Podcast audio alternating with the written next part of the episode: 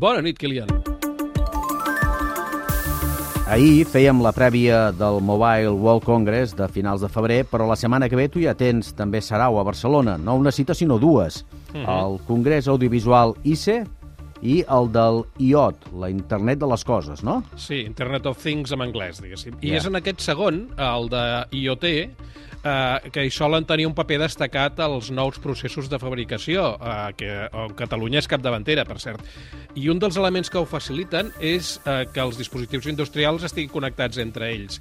I en aquest aspecte, una de les tecnologies que promet més és la que se'n diu plastrònica, que com el seu nom dona, dona a entendre, és la integral electrònica amb els materials plàstics per fer productes de molt valor afegit. Plastrònica, eh? Plastrònica, sí. Mm. Uh, uh, amb això parlem de parlem d'electrònica impresa, de superfícies de comandament, per exemple, d'un cotxe o els botons de la porta d'un tramvia, uh, amb resposta interactiva, vull dir que vibrin, de uh, objectes que, que portin in- integrats botons invisibles o peces de plàstic amb sensors uh, també integrats. I resulta que la primera planta pilot de plastrònica del sud d'Europa la tenim aquí al costat a Cerdanyola del Vallès, a la seu del Centre Tecnològic Eurecat.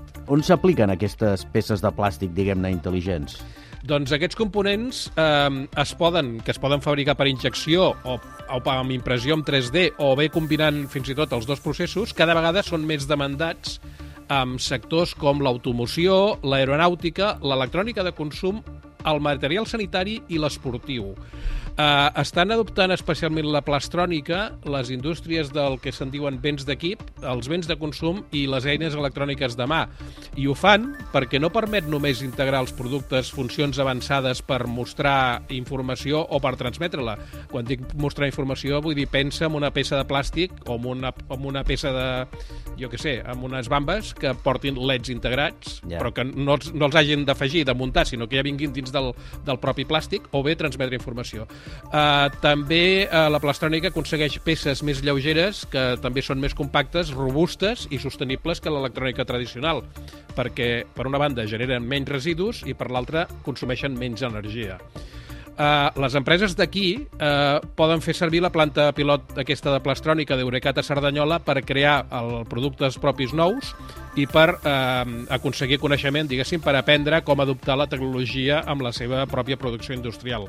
Aquesta instal·lació d'Eurecat està formada per dues sales blanques, una que està dedicada estrictament als processos plàstics, això que dèiem, injecció i impressió 3D, i l'altra a la impressió i a l'electrònica i els responsables de la unitat eh, d'impressió funcional i dispositius integrats d'Eurecat asseguren que aquesta planta pilot de plastrònica en presumeixen perquè diuen que és un referent internacional amb l'ús d'aquestes tecnologies. Doncs ja sabem alguna cosa més, la plastrònica, eh?